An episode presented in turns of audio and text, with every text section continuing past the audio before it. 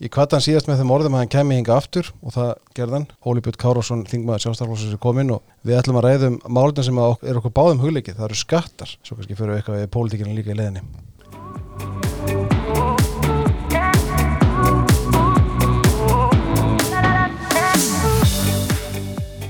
Óli Björn, velkomin. Takk hjá lega. Þú komin aftur? Já, já, ég kem alltaf aftur. Já.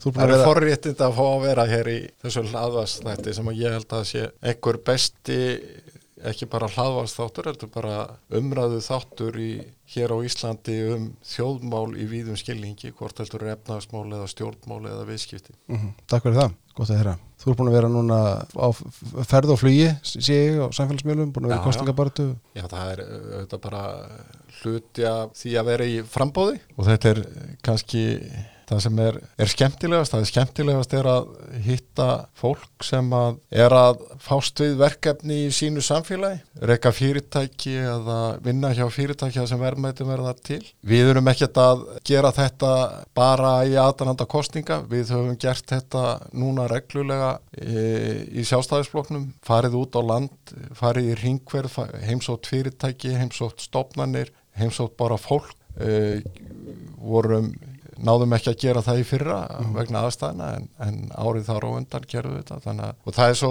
þetta er ekki bara ebla tengsl okkar við fólk út um alls land, höfuborgarsvæðinu og út á landi heldur higgja að þetta eigur svona skilning okkar á þeim áskorunum og viðfónsefnum sem að mennur að glýma við á hverjum stað sem geta verið mísjönd svona fyrir eftir stað, staðháttum en þetta eigur líka skilning þeirra sem við erum að tala við á þeim verkefnum og þeim möguleikum sem við eigum á að koma okkar svona hugssjónum til framkvæmta. Ég mitt, já og áhugavert og hérna það fyrir að stýttast í kostningar og vera áhugavert að sjá hvernig þær fara sko ég fekk þig við rættum saman fyrir þáttin og, og, og við langaði til að fá þig til að koma og, og ræði rauninni bara eitt mál sem að er nú reyndar svolítið viðtækt og það eru skattar. Við erum báðið með ykkur áhugamennum skatta, ekki endur um skatt heimtu en, en hérna kannski fyrirkomulega skatta. Og það gleymist oft uh, í umræðum skattamál að mínum að, að, sko við gleymum oft, oft í bara hvernig skattar eru til. Og þess að reykja það er lungum máli þá þetta eru skattar til kannski í fórgrikkjum ákvæmleiti þegar menn lögðu skatta á eignarhald eða eigna skatt svo kallan og Rómverða gerði svipað og þetta var allt gert til að fjármanna stríðsregstur og fleira og skattar eins og við þekkjum þetta verði ekki til í rauninni fyrir en fyrir kannski 200 árum eða svo í mangisögunni mm -hmm.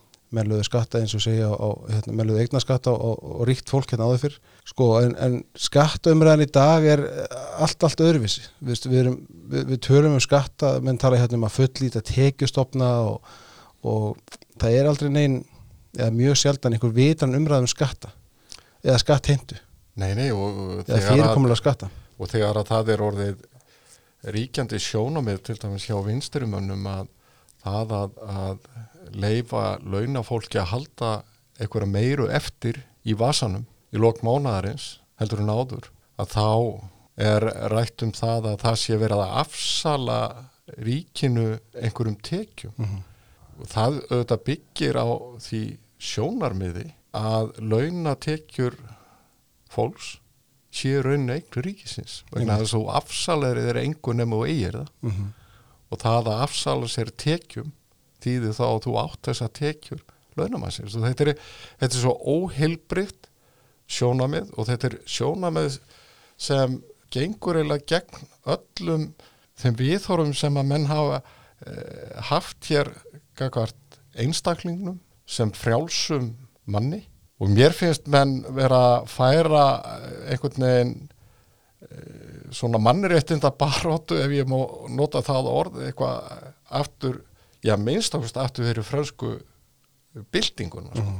en, en uh, það er kannski ekki það sem að vakir fyrir vinstirmörnu þegar þeir tala um afsaltekna og hérna ekki nýta full nýta skattstopna og, og svo framins þetta er eins og þetta séu hérna einhverju stó, einhver tríð sem hann geta bara tínt endalvist af á þess að hérna tríð býði skada af heldur e, lýsir þetta kannski fremur djúbstæðu skilningsleysi á því að hverju þurfum við að huga þegar að kemur að ákvörunum hvaða skatta skuli leggja á mm -hmm.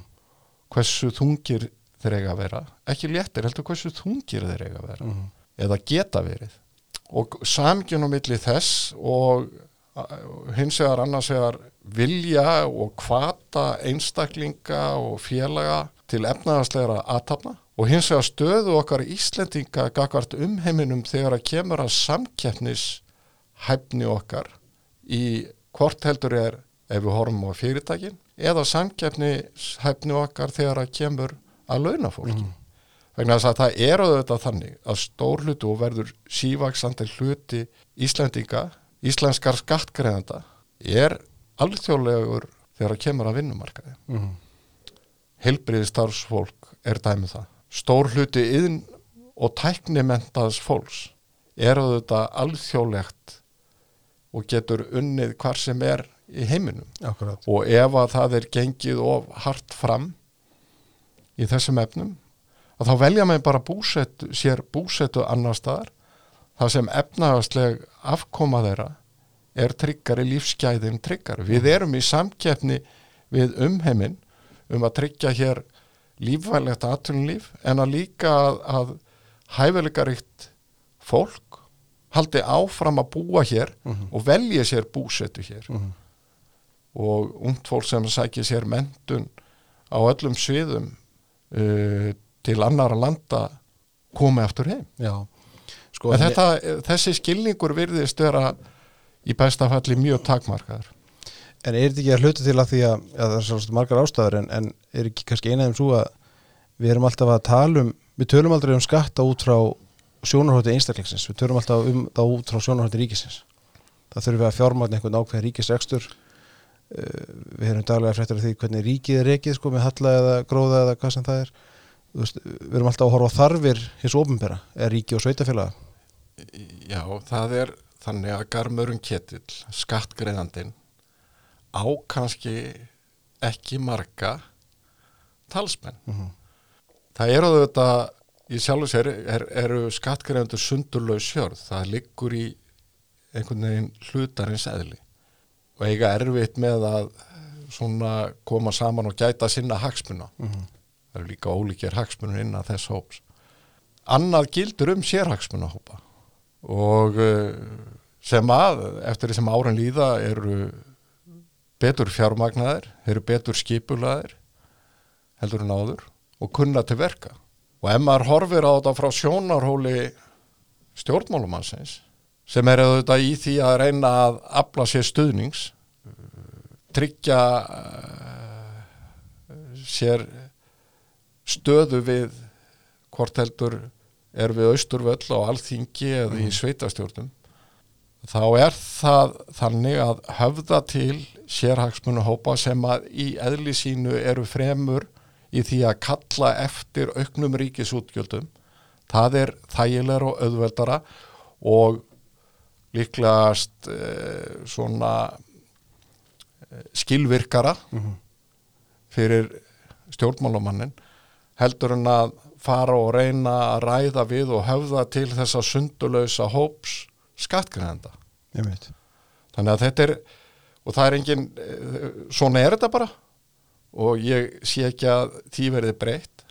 En, og það, og svo kemur það líka að, að, að fjölmiðlar virðast fremur hallast að því að allir mælikvarðar hér á hvernig gengur á, í ofinberu rekstri, hvers konar þjónustu er veitt hvernig og gæði hennar að mælikvarðin séu útgjöld sko. ef að útgjöld til já segjum bara heilbriðismála tökum það sem dæmi ef að þau hafa lækkað eitthvað lítilega að þá er það að mati fjölmiðla og, og mjög margar annara Og dæmi um það að, já, er, er, er það dæmi um það að það sé verið að draga úr heilbriðistjónustu Mhm. en það leiðir engin hugan að því að það kann að vera að þjónustan hafi batnað, hún hafi aukist réttindi okkar allra sjúkara tryggðu hafi verið betur tryggð vegna þess að kerfi var skilvirkara Mhm. og farið var betur með fjármunni og svo framvegis. En getur þetta ekki verið að því að sko það er visu allt, ég meina það, það, það er, fólk sér ef að ríkið byggir brú eða grefi göng eða byggir nýja spítala, það sjá það allir, en ef að ríkið lækkar tekjuskattum 0,25% stig, veist, þá finnur fólk mismikið fyrir því sko, það er ekki, jafn- það er ekki jafn áberandi, er þetta ekki, er þetta ekki bara eitthvað tilfinning líka? Jú, alveg örglega. Það er, menn segja stundum að við stjórnmálamenninni séum, að reysa okkur minni svarða. Já, já, Brúin stendur, húsið stendur, akkurat, en uh, menn kannski gleyma því að menn hafa unnið hörðum hönduna því að að létta byrðar launafólks og auðvelda fyrirtækjum til þess að sækja fram með því að lækka álugur einfalda regluverk og svo framvegis. Og þess vegna það nú kannski stundum að minna á þetta. Og þess vegna er líka mjög auðvelt að eh, koma fram fyrir eh, marga með villandi upplýsingar, villandi staðhæfingar og hamra á því að til dæmis í þessu tilfelli að skattar hafi verið hækkaðir. Mhm. uh, sem er ránt uh, frá 2013 að þá hefur undir fórustu sjálfstæðisflokksins og, og þá fyrst og síðast Bjarnar Bendissonar verið unnið skipulega að því að lækka hér skatta bæðu og fyrirtæki og einstaklinga. Það verður þó að halda því til haga og við þurfum um að kannast við það líka það hafa aðrir skattar verið að hækka. En eh, nett á niðurstaðan er gríðaleg skattalekkun Mhm. og ég vil bara taka sem dæmi. Ef að við værum það, voru, það eru kannski tvö, þref, eða, tvö skref sem að voru tekin og róttæk þegar að kemur að tekju skatti einstaklinga 2016 og síðan 2020 og, og í upphafi þessa árs. Og ég geta rætt um það hvort að þær kerfisbreytingar hafi verið í takt við þær hugmyndir sem ég er með í tekjuskattskerfinu, það er annar mál. Það breytir ekki því. Ég til svo ekki vera. Nei, nei, en hérna, en ég hins vegar stutti þær breytingar vegna þess að þær tryggðu hér að það var verið að létta byrðar hér á launafólki svo 20 miljörðum Mhm. skipti.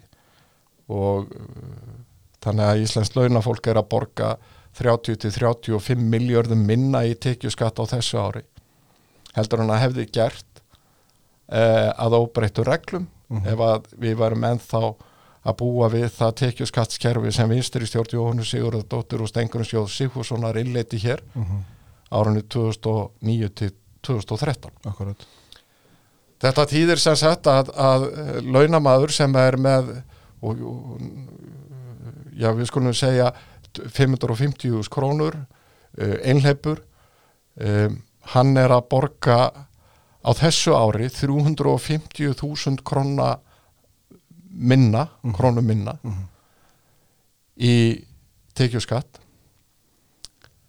heldur hann að hann hefði gert ef að skattkerfi Jónu Sigurðardóttur hefði fengið að standa óbreytt og Bjarni Bindsson hefði ekki sett sitt mark á, á það á ári.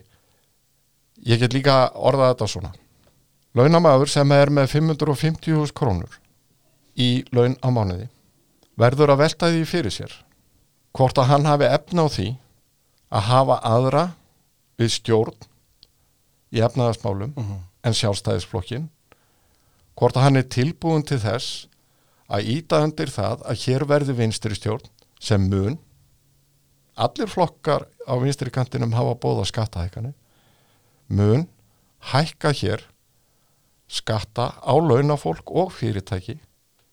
Og líklega ég get þá bara haldið fram að fyrir þennan launamann muni það kosta hann 350.000 krónur á ári af vinstri stjórn. Það er 1,2 miljónir liðlega á kjörtímanbili Einmitt. ég er ekki alveg vissum að fólk setji þetta alltaf í þetta samingi og því miður erum við kannski Það er 1,4 á kjörtum. já, ég raunni 1,4 þú ert betri í reikningi en ég, ég hérna, en það er rétt. En sko ég held að við svona hægri menn við þessir talsmenn hofsemdar í skattheimtu talsmenn þessa menn sé að byggja upp hér skattkerfi sem skili nægilegum tekjum en tryggjum leið samkjöndustöðu okkar fyrirtæki og launafólks erum ekki nægilega duglegir við að upplýsa hvað við höfum gert. Mhm. auk þess er alveg ljóst að við höfum ítt undir efnahagslega starfsemi og það er, eru líkur á því að tekjur ríkisins og sveitafélagana verði innan skams herri heldur hann að hefðu orðið með skattheimtu. Einmitt, og þess að hún drepur í dróma. Algjörlega Já, ég, og ég ætla að koma að því eftir en það er er nefnilega góðu punktur svo að nefnir sko, þegar við vísum í, í þær breytingar sem eru á skattkerinu á kjörtempilum 2009-13 sko bara rétta til að rifja upp mjög snögt og það var náttúrulega bara ein skattprósenta fyrir alla tekjur þá svo bara var persónaslutur þannig að skattkerfi var í rauninni þrepaskipt út í hið óendalega, Ja. má segja Ja. að því að, því að persónaslutur var fyrst krónutöla þannig að hérna, og þeir, þeir sem voru með herri tekjur borguðu alltaf herri krónur í skatta um, síðan er innleitt hérna þryggja þrepa skattkerfi. Uh, að við maður rétt 2010, það var kynnt 2009 og innleitt 2010 uh, en þá voru sko og þá, það átti að taka á þessum ríku bara, segjum það bara svo er það átti að taka á tekjuherri einstaklingum. En það sem gleymist átti því er að annað skattrefið sem kom hann á milli, það laðist á millitekjur. Og allir sem voru með held ég, ég man ekki törna nákvæmlega, var kringu 250.000 þá það er náttúrulega herri tal í dag. En, en þeir borguðu herri skatta heldur en gerðu í einstrepa kerfi. Þannig að sko sagan sýnir að allt þetta tal um það að skatleggja bara hérna ríku er bara tóm þvæla í rauninni. Þryggja þrepa skattkerfið sem að vinsturstjórnin innleiti var bein árás og einhver alvarlegasta árás sem gerð hefur verið á íslenska millistjætt Mhm. og það er ekkert í miðri kreppu. í miðri kreppu. Og, og menn verða að hafa í huga að það er ekkert samfélag sem hefur náð því að verða velmegun á samfélag, velferða samfélag sem er ekki með sterka millistjætt Mhm. og það er millistjættin sem að drífur samfélagið áfram. Og það var á grundvöldi þessa meðal annars sem að Bjarni Bendisson beitti sér fyrir því að henda út millitreppinu og, af, og þar með létta þessa byrða sem að millistjættin sannarlega var að bera. En síðan Hva, kemur hvar flestir eru í raunar nákvæmlega en síðan og á sama tíma eru sko meðal annars þáverandi þingmæði samfélkingarinnar að tala um að það er að innlega hér 70% hátekjuskatt, 70% sko. Og við veitum auðvitað hvert það fólk fer síðan. En hérna hvort að það fer ekki á landinu eða ekki. En og síðan eh, kemur til valda þessi ríkistjótt sem nú situr. Og við náum samkomulagi um það að gera enn eina kerfisbreytinguna að vísu aðeins til að flækja en ég sætti mig við það vegna þess að það var sett nýtt þrep, larra heldur en það sem var í gildi sem þýtti lækkun tekjuskatts á alla en þó fyrst og fremst þá sem lækstu tekjunar hafa Akkurat. og það gætt verið skynsalegt. Ég hef að vísu viljað aftur hverfa til þess tíma þegar að hér var flatur tekjuskattur en í stað þess innliða hér eh, persónuafslátt sem að verður að vera töluvert herri heldur en það sem að við sjáum í dag sem fer síðan stiglækkandi eftir tekjum Mhm. og það verður til þess að í rauninu verður tekjuskattinu progressífur en trublar ekki og hefur ekki áhrif ákvarðanir fólks um að afla sér meiri tekna Mhm. og, og í rauninni fremur kvetur og við drögum úr öllum jaðar áhrifum uh, skattkerfisins með þessum einfalleika og þegar ég var að uh, tala fyrir þessu uh, og hef og er ekki tættur því, ég ætla ekki að gefast upp að þá mér til svona mikið þetta gleði að þá tóku nokkru verkalýsleitóar undir þessar hugmyndir. Vegna þess að þetta er einfalt, skiljanlegt uh, kerfi og getur tryggt og ég meira að segja gekk svo langt að sækja aðeins í, í kistu Miltons Frídmans sem telur að það séu rauk til þess að vera hér með neikvæðan tekjuskatt eða réttar að sagt útgreiðanlegan persónuafslátt. Og þar að segja að þeir sem að hafa svo lága tekjur að þeir get ekki nýtt allan persónaafsláttin að þá fái þeir hinn ónýtta persónaafslátt uh, útgrætan þetta finnst mér vera helbriðar hugmyndir. Þetta auðvitað þýðir það að skattleysi smörkin sem er auðvitað hlut, sem er skattleysi smörk ráðast annars á vegar af skattprósundinu og hins vegar e, persón, e, krónutölu persónaafsláttar Já, já. Að skattleysi smörkin þurfa að vera tölur terri heldur en þeir eru í dag, það eru 150.000 Mhm. þau þurfa að fara kannski upp í 250 Mhm. en ég fullir það undir slíku kerfi að þá muni tekjur ríkisins aukast samlega að því sem langflestir muni njóta verulegra skatta lækana. En sko, tölum við um hátekjuskatta og, og, og, og, og að því að við heyrum nú bara í aðrænda kostninga menn, menn vilja hérna, skattleggja ríka fólkið. Veist, samfélkingin talar um að setja stórhundaskatt á þá sem eigi yfir 200 miljonir þessi orðræða stingur upp kollinum öðru kóru af hverju eigum við að refsa ríku fólki fyrir, þú veist, af hverju Er bara í höfumdurfælum ástæðum, af hverju ætti að skattleggja ríkamannin meira heldur Ja, menn geta líka spils eiga menn ekki að, að veluna fólk sem að hérna, býr til verðmæti. Mhm. ef ekki akkurat að hvetja til þess? Þannig að er ekki vandi okkar fremur sá að við eh, erum með of háa sem að hafa komist e, í verulega efni? Jú, sko, það er ekki það er, vandin er ekki að séu á margir.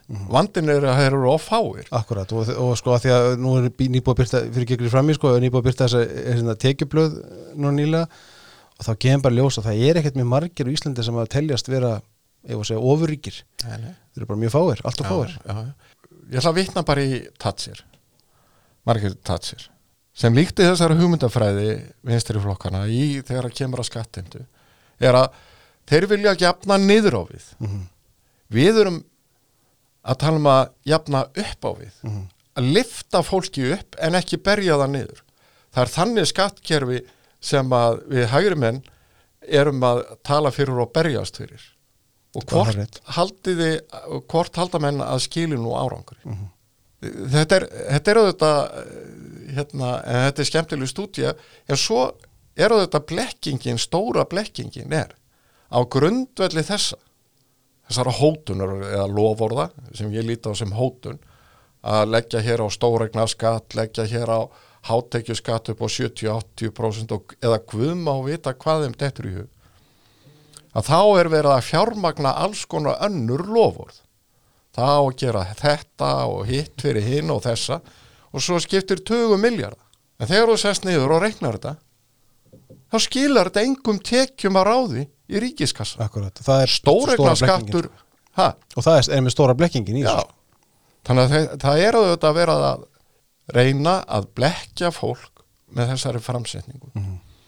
og hverju voru það sem að þurftu að bera þungar byrðar í tíð vinstri stjórnarinnar þegar að stóregna, þegar að já, stóregna skattur eða auðlega skattur eins og við kallum það var lagður á. Það voru eldri borgar. sem að kannski áttu því- mikið eða með litla tekjur Já, og við erum hins vegar stöndum frammi fyrir því verkefni að reyna að horfa á hérna, kjör eldri borgara og jafna þau með sérstökum hætti og sjálfstæðisflokkurinn hefur bóða kerfis breytingu í því þar sem við horfumst í augu við það, þá staðurinn að mörgum eldri borgunum, sérstaklega þeim sem eru, eru þegar komnir á eftirlaun, það var lokið starfsæfi að þeir náðu ekki að byggja upp uh, lámas réttindi í lífyrísjóðum og það eru margar ástæði fyrir því. Sumir eins og konur sérstaklega voru utan vinnumarkaðar stór hluta starfsæfinar þá bara þjóðfélagsgerðin var þannig.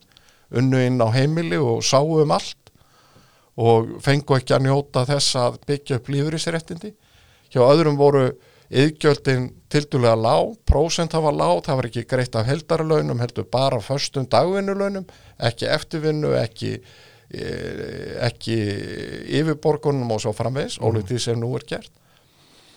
Og síðan auðvitað á tímum óðaverbolgu hér í, kri- í kringum 1980 fyrir og eftir 1980 þá þetta rýrnuðu eignir þess að það var, þeir, gátt ekki hérna áastafa með hérna næ, nægilegum heitti og þar með rýrnuðu réttindi í lífyrirsjóðana og við þurfum að horfast í augu við þetta og þess vegna teljum við að það eigi að innleiða hér lífyrirsöpbót en sko vinstri flokkandir eru að tala fyrir því að það eigi að skattleggja þetta fólk sem hefur takmörkaðar tekjur en á kannski einhverja skuldlösa eign og leggja á stóregnaskatt ég er ekki þar. Nei, en þetta er orðra- orðræðan í, í, í þessari já, já.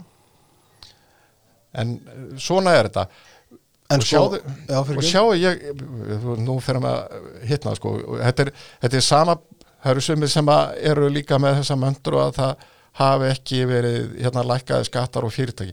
Það er búið að lækka hér tryggingagjald og fyrirtækjum 25 miljardar no, nei, það þarf að ganga lengra. Tryggingagjaldið er vondur skattur og virkar öfut nei, hvað er neikvæð sem hefur, hefur verið gert ég held til dæmis að menn þurfa að hugsa kólefnisgjöldin upp á nýtt. Þau á að hækka allt og mikið. Og það er eitthvað innbyggt ég ætla ekki að segja óréttlæti það er, það er eitthvað innbyggður galli í skattheimtunni að þegar að þeim sem tekst að draga úr losun sem er markmið með kólefnisgjaldinu að draga úr losun þeir fá ekki að njóta þess. Gjaldið er bara að hækka og hækka og hækka og hækka ár eftir ár eftir ár og við þurfum auðvitað að horfast í augu það sjálfstæðisflokkunum við þurfum að hugsa þetta. Kólefnisgjöld við reynum alla að græna skatta. Ef að kólefnisgjöld getur talið skattur en látum það líka til hluta upp á nýtt. En En við höfum líka verið á nota hin- skattkerfið í, til að breyta hegðum fólks? Það er kannski annað sem maður má ræða sko. Veist, já, já, á að nota skattkerfið til að við þekkjum öll syndaskattana sko, á áfengi og allt þetta Mhm. og, og þetta græni skattar í dag veist, meina, og, og það, það, það er reglulega að tala um þetta í stjórnmálumræðinum að leggja þess, hinn á þessa skatta í þeim tilgengi að breyta hegður fólks, neysluminstri sigurskatt til dæmis og svo framvegis. En eigum að nota skattkerfið í, í þetta? Um þetta deila hagfræðingar og deila endalaust og sýnist sitt hverjum. Mm -hmm.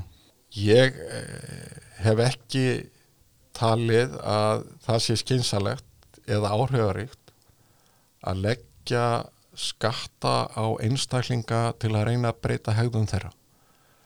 E, það séu áhrifaríkari leiðir til.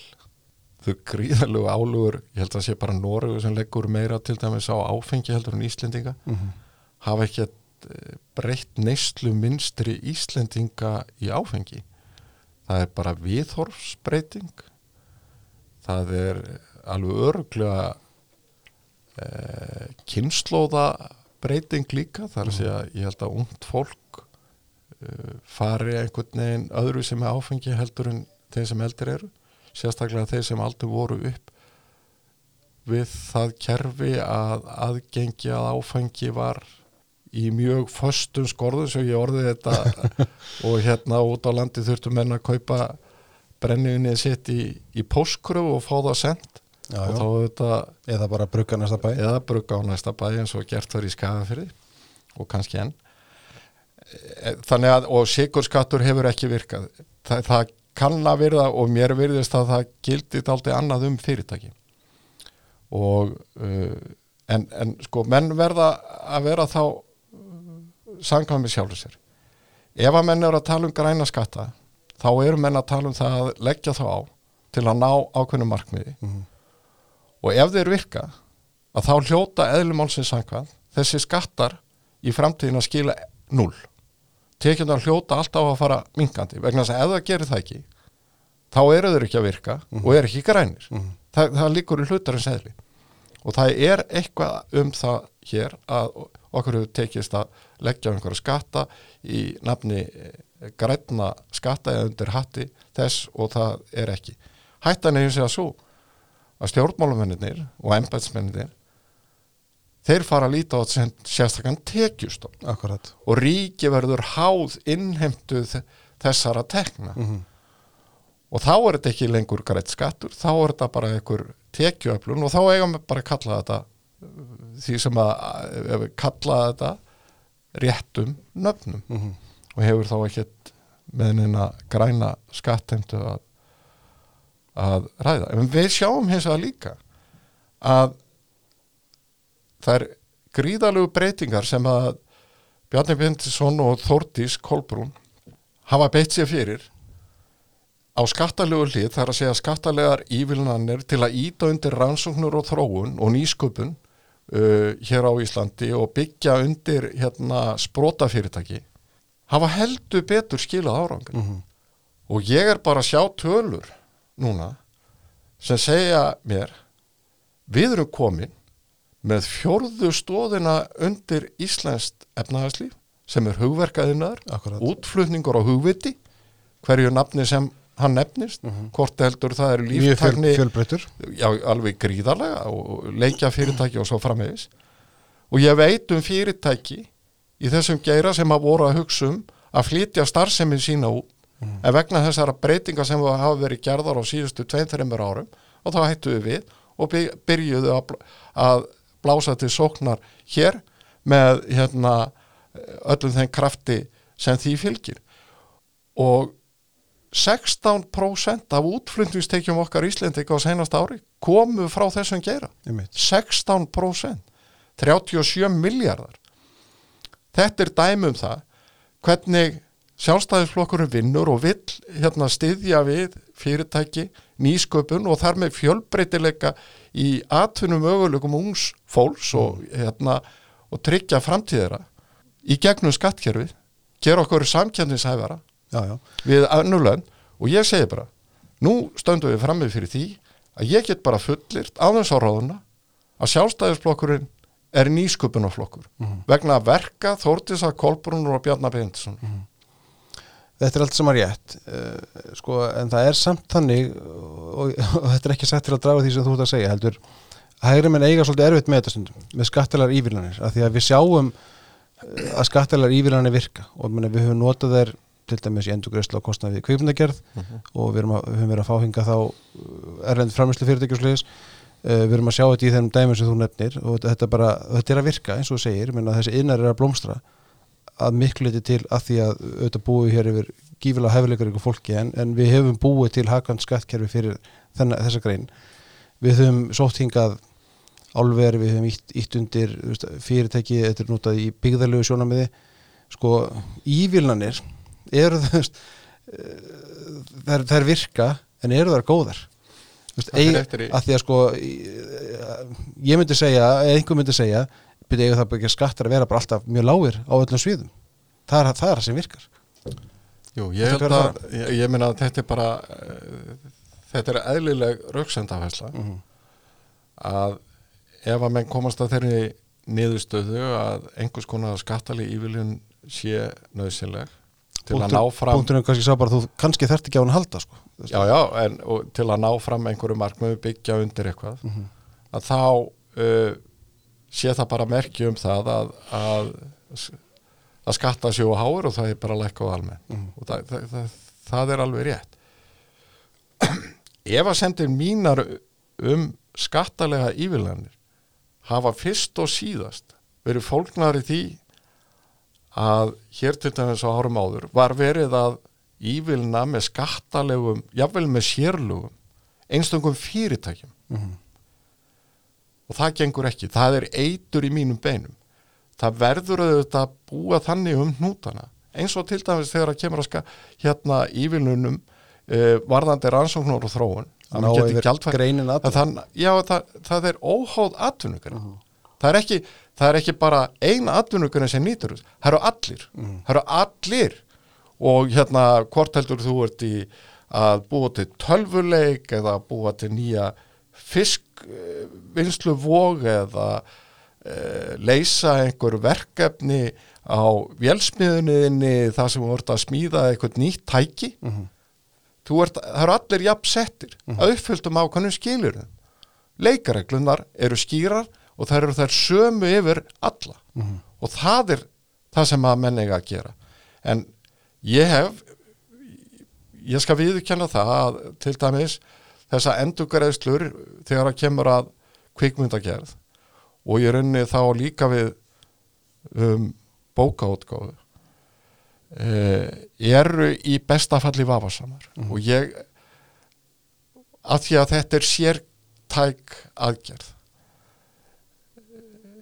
ég hins að átta með auðvitað á því að það eru fleiri hundru manns hér á Íslandi sem að hafa fengið verkefni til lengri eða skemmri tíma vegna þessa og ég ger mig grein fyrir því að þetta hefur verið veruleg búbót og líka bara svona krydd í samfélagið út á landi Já, þar sem já, að og- hérna, og- þetta fólk kemur og þetta ég- landkynning þannig að þetta Já, er já. kannski markasending líka já, já, en ég er eh, en, en sko ég held að menn eigi fremur að fara í almenna leið Mhm. þar sem að allir njóta að uppfylltum ákveðnum skilurum sömu réttinda en það sé ekki sértakt fyrir einstakakareinar Mhm. ég held að það sé nöðsynlegt og það er líka bara miklu heilbriðara vegna þess að hættan er líka svo að þú færir að færa fjármagn og vinnuafl inn í greinar sem eru kannski lífvænlegar á meðan á hinnum ofinberu hérna, endugreiðslum eða Já, já. hvað það er hérna þeir eru en ekki hérna á þeirra. Mhm. og það er kannski ekki það sem við þurfum á að halda. En sko við fyrir maður út í annað sko hvað með við, við sjáum eiginlega aldrei einhverja rótækar hugmyndir í skattamálum nema að þeir litum til að hækka þá. Það er hérna minna, tekjuskattur er í dag á bilinu 36 til 46% cirka eftir, eftir tekjum skattur af fyrirtæki er 20%, 20% fjármastíkjaskattur 22% munum við einhvern tímann sjá bara uh, skatta munum við einhvern tímann sjá til þess bara 15% skatt? Einhverjar svona, minna, við erum aldrei að ræða þetta þessum nótum, sko. hvað, hvað er nóg fyrir ríkið? Nei og ég, ég, ég gemur að segja nei þannig að næsta spurning minn er af hverju? Af hverju erum við aldrei að ræða um skatta? Nei, ég, ég, vísu ég, hérna, ef, ég, ef að minnið svíkum mig ekki að þá hygg ég að 1995 að því maður er að vera svo gammal hafi ég kynnt með ítalegri úttekt sem byrtist í viðskiptablaðinu ásand uppskurði á fjárlögum komandi árs mm -hmm. uh, hugmynd að 5% tekjuskatti síðan bættist útsvar við sem að er, var þá með við þá, þá var það rétt um 15% Mm -hmm. uh, ef ég man rétt að þá hygg ég að, að viðskiptar á það hafi kynnt fyrir nokkurum árum hugmyndina 15% landið já, og það er mjög heillandi hugmynd að segja bara allir skattar og öll gjöld hverju nafni sem nefnist séu bara 15% mm -hmm. það er 15% tekjuskattur það er 15% fjármáðstekjuskattur það er 15% virðisauki og svo framvegis. Og engin, og engin þarf að hérna, velta neinu meiru fyrir sér. Vandinu við þetta er hins vegar sá er að, og það er svona líka þarna kemur uh, svona takast á uh, annars vegar þessi hugmynd að byggja upp skilvirt skattkerfi. Og hins vegar þetta sjóna með að það sé einhver innbyður heimill á skattheimtuna. Mhm. þess vegna hef ég til dæmis aldrei verið hrifin af því ólíkt mjög mörgum embættismönnum og mjög mörgum stjórnmálamönnum að þau vilja bara hafa virðisauka skattkerfi hér og eina skattprósentu. Og, og það er til dæmis eða minnst ógust áttið að við fyrir tveimur, þreirum árum að þá ef að við færum með allar vöru og allar þjónustu í sama virðisauka skattþrepa þá gæti það verið í kringum 18% 17 til 18% úr 24 og, og, hérna, og þar niður allar þær vörur og hitt sem er núna í 11 færi sem er allar maturur til dæmis? Já, já, og ég hef hafnað þessu að tveimur ástæðum. Annars vegar að, að, að skilvirknin, hún verður alveg örgla meiri. Mhm. og það verður örgla þægilega fyrir ríkið og eftirlitsaðila sem er náttúrulega fyrst og síðast skatturinn, að sjáum það að það innheimtist vel og fljótt allt sem að ríkinu ber. En skilvirknin er ekki eina atriði sem að menn þurfa að horfa á. Það er til dæmis mjög þægilegt fyrir sitjandi fjármárar á þeirra sem er að berja saman fjárlögum Mhm. fyrir komandi ár og þar var fjármagna einhver verkefni sem er búið að gefa lofur fyrir með því að hækka svona virðisaukaskattin um 0,5% Mhm. sem hann hafi verið uh, 17 og þá fer hann upp í 17,5 Mhm. það mun eiginlega enginn finna fyrir því hérna, neytendur mun ekkert finna mjög mikið fyrir þeirri breytingu að, að mjólkin hækkar eitthvað pínlítið og bílinn kannski einhverju leiti munu veslanir að minnstakosti að hluta til geta uh, hérna hækkurina í sig bara vegna sankjarni og svo vidri þannig að þá eru virðisaukaskatturinn komin og það verður engin svona almenn óanæja og, og ríkisjóðu fær hérna Eitthvað x mikið. miljarda í aukalega og hægt er að standa við. Og svo kemur koma fjárlög.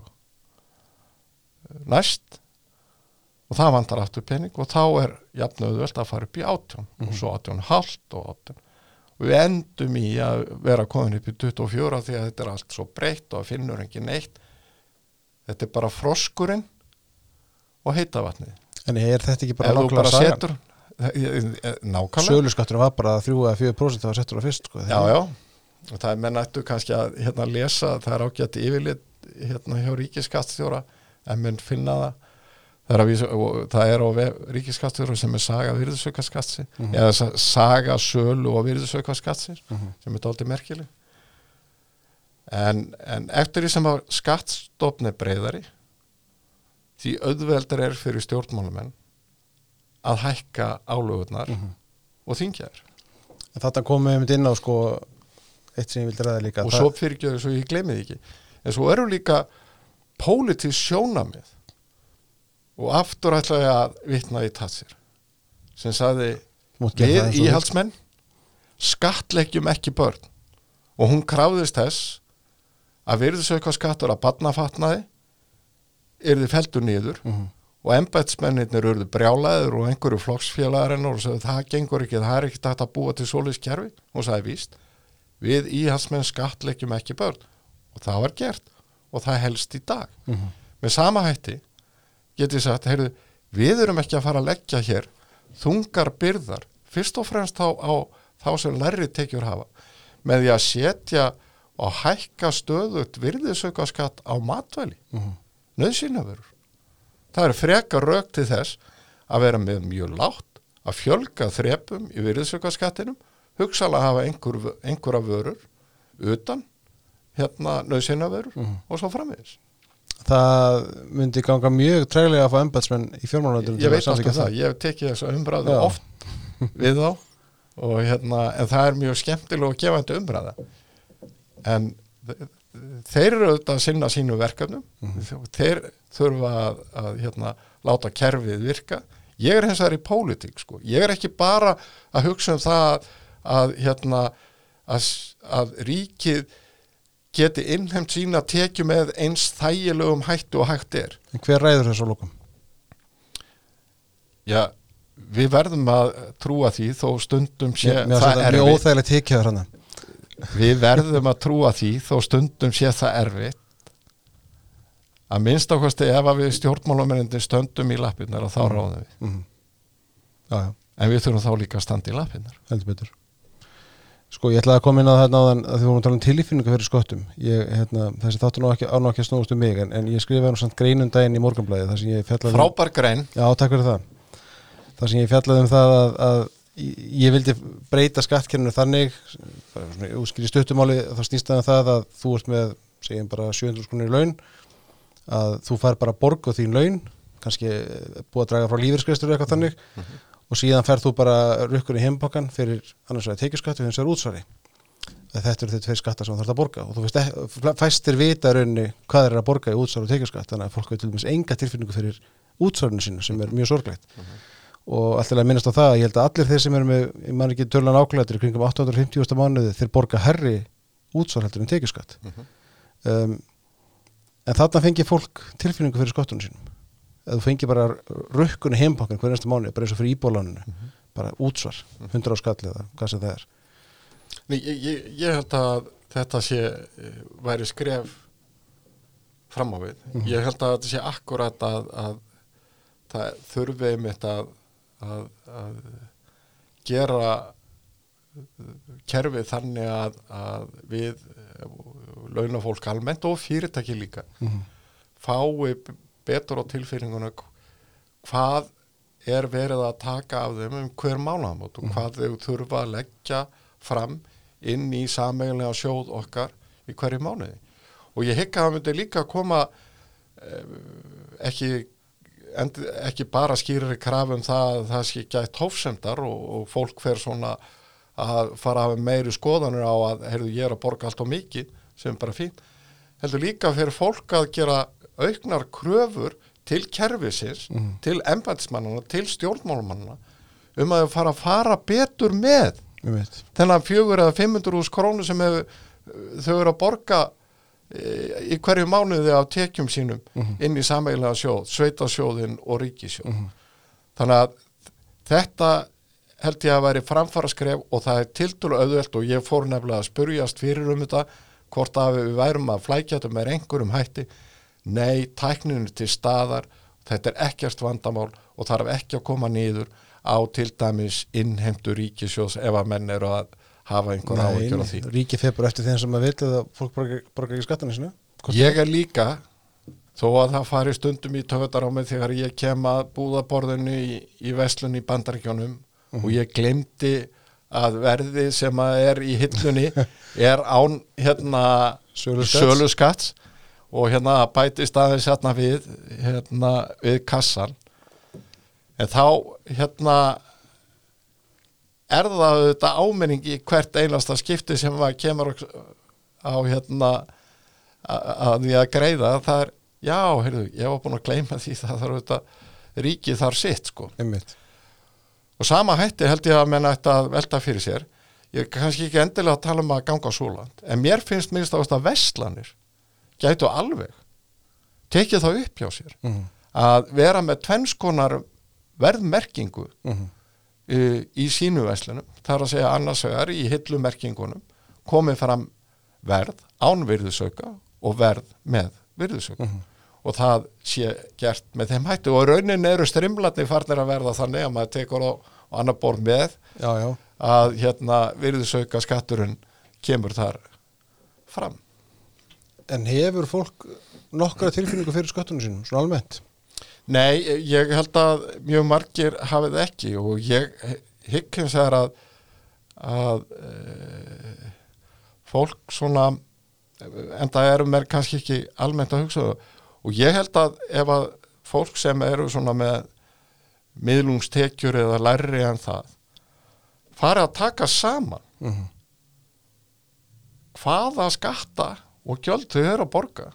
Að þá held ég að muni koma þeim mjög verulega óvart vegna þess að svo skattbyrði er ekkert hérna sérlega létt og er hérna fyrir marga mjög þungbær vegna þess að er virðusauka skattur það eru allir óbyrnu skattarnir. Þetta eru skattar og gjöld til sveitafélaga sem gleymast nú oft sko. og það er ekki bara útsvarið það er fastnengla gjöld ef að svo ber undir uh, frális reynsliskjöld og ég man uh, Guðmá hugmyndaaukin er svo Já, já, menna Ótrúleg. sveitafélagin eru núna farin að brjóta upp sko, fastandi göld og, og, fráviti göld til Já, að hérna láta líta betur út Já, já, og hérna og það eru þetta uh, þannig að en á móti kemur ég held til þess að nýju álækningarsæðlarnir Mhm. sem að hafa lítið dagslingsljós kannski hjálpi fólk að, fólki minnst ástu þegar að kemur að tekjunum. Mhm. hvað hérna, hvað það er raunverulega að greiða mikið að lítið til sveitafélagsins og ríkisins og í hvað þessir fjármunir er að fara. Og það held ég að sé framfara spór og kannski eigur það umræðin og vitundum um skattindu. Já, vonandi, það er alltaf og skrifir þetta átt En það sem er líka eh, skiptir máli er að að með vera líka átt að segja á því að, að álugur á fyrirtæki eru auðvitað með óbyrnum hætti að einhverju leiti þetta er auðvitað mísjan álugur á launafólk. Mm skýr það betur. Já, það er annars þegar er það augljóst að fyrirtæki, bólmag fyrirtækja til dæmis til þess að greiða betur laun er þetta undir því komið að það sé gætt að samkjættustöðu fyrirtækjana að það sé ekki lagðar og þungar byrðar á fyrirtækjana þannig, mm. þannig að til dæmis ef að fyrirtæki þarf að borga 50% uh, tekjuskatt en ekki 20% og það er alveg augljóst að, að, að möguleiki fyrirtækja til að borga starfsmönnum sínum betur laun hefur minkað, já, já, laskast. Eh, einhverju leiti og þegar að menn hérna tala um tryggingagjöld eða önnur gjöld fyrir fyrirtæki eh, að þá auðvitað þurfa fyrirtæki að skila ákveðnir afkomu.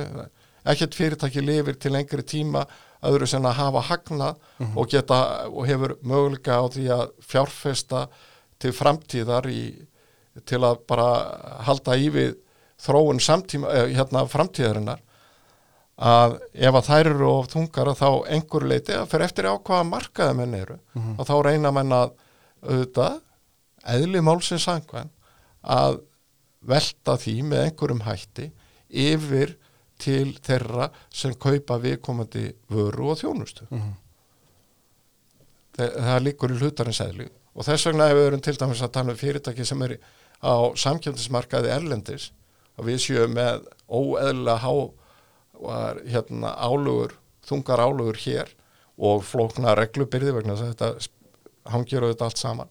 Með að við keppinutana það hefur auðvitað þessi áhrif.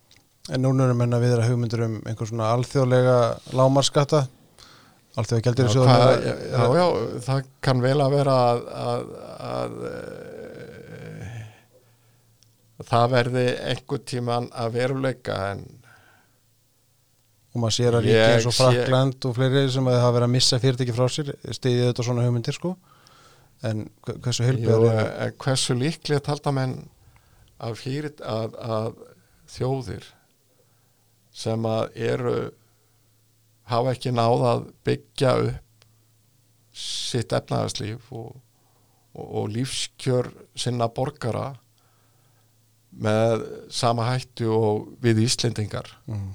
eða aðrar Evrópu þjóðir hversu líklegt halda menn að þessi tilbúinu til þess að afsala sér möguleika á því að laða til sín bæði hæfileika ríkt fólk og fyrirtæki með e, því að keppa við innríkin Mm.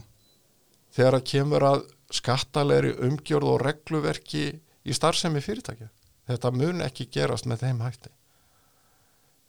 Annað mál er hins vegar og aðeins er, er hvort að menn geti náð samstöðu um það alþjóðlega, það verður flókið, að skattleggja sameinlega ef, það, ef að menn vilja tekjur fyrirtækja, alþjóðlegra fyrirtækja sem eru óháð landamærum Mhm.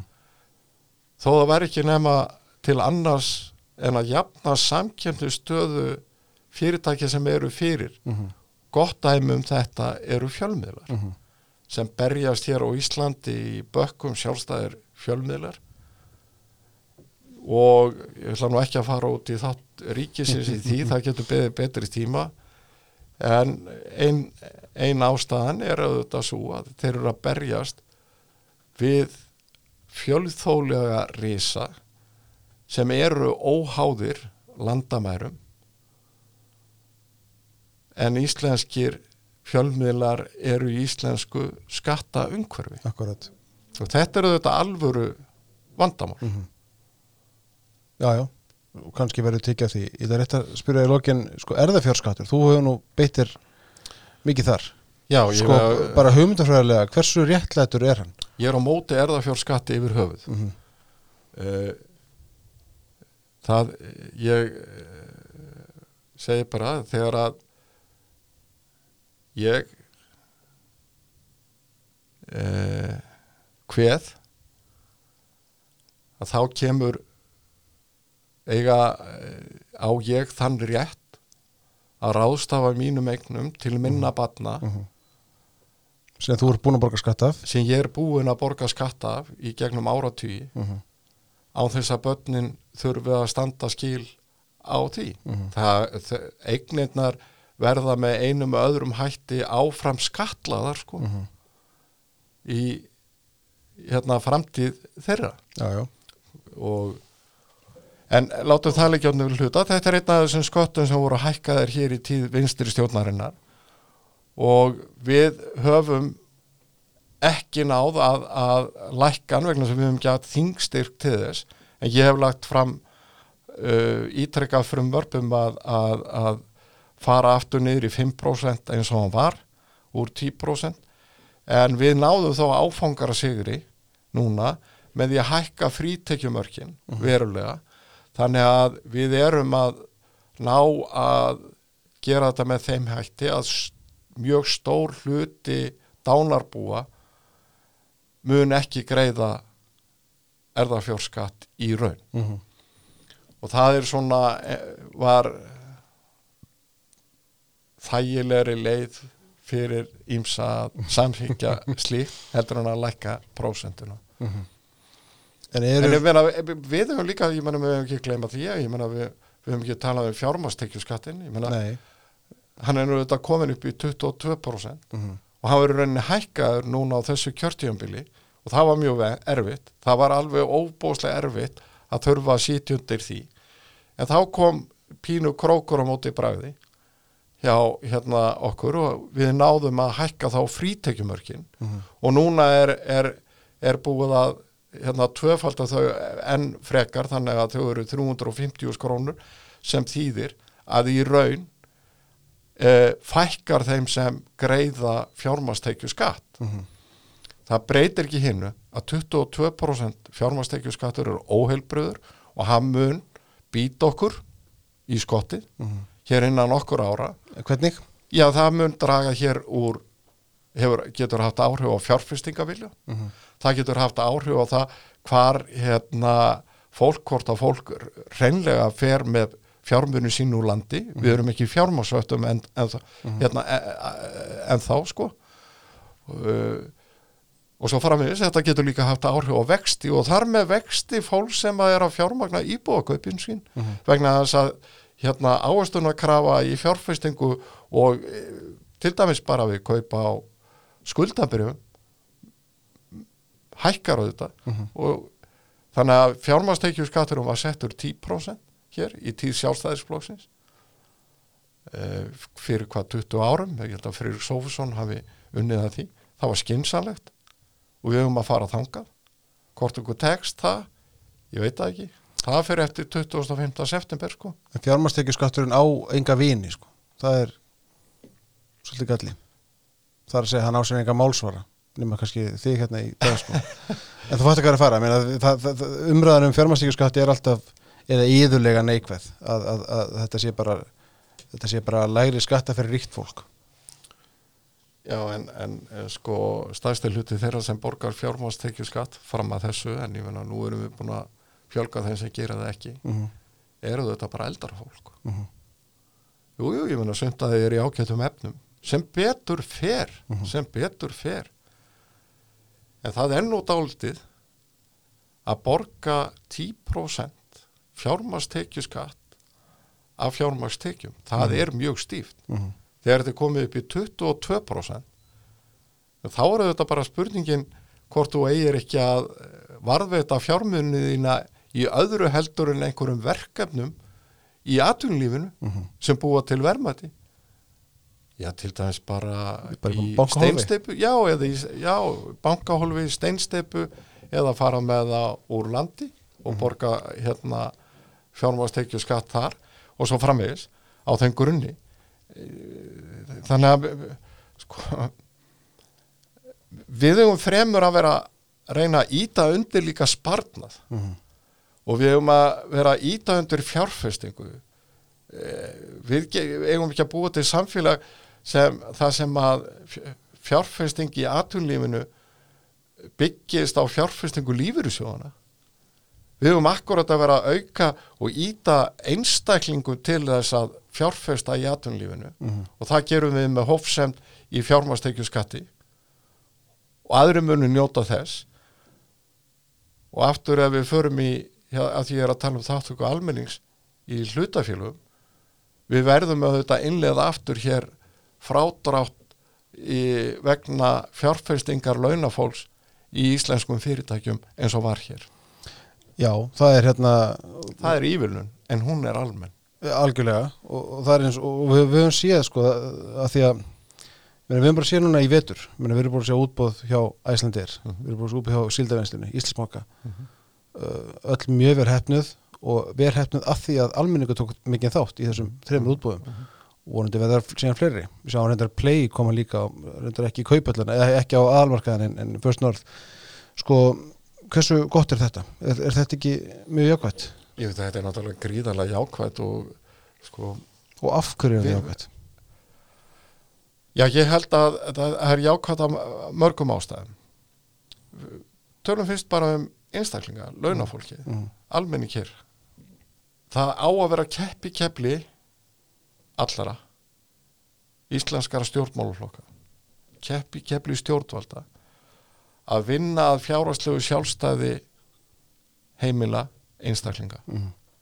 við erum í megindraftu með kannski tvær stóðir eins og við erum með sem að við höfum verið að byggja á annars vegar séregna stefnu sem að sjálfstæðisblokkurinn er- hefur alla tíð staði vörðum að reyna að gera fólki kleft að eignast eigið húsnæði Mhm. og meðal annars hérna beitt okkur fyrir því að fólk geti nýtt sér séregna spartnaðin í alltaf tíu ár skattfrjálst inn á íbúðalónin skiptir á- gífuna miklu máli Já, það skiptir alveg fólk. gríðarlega miklu máli.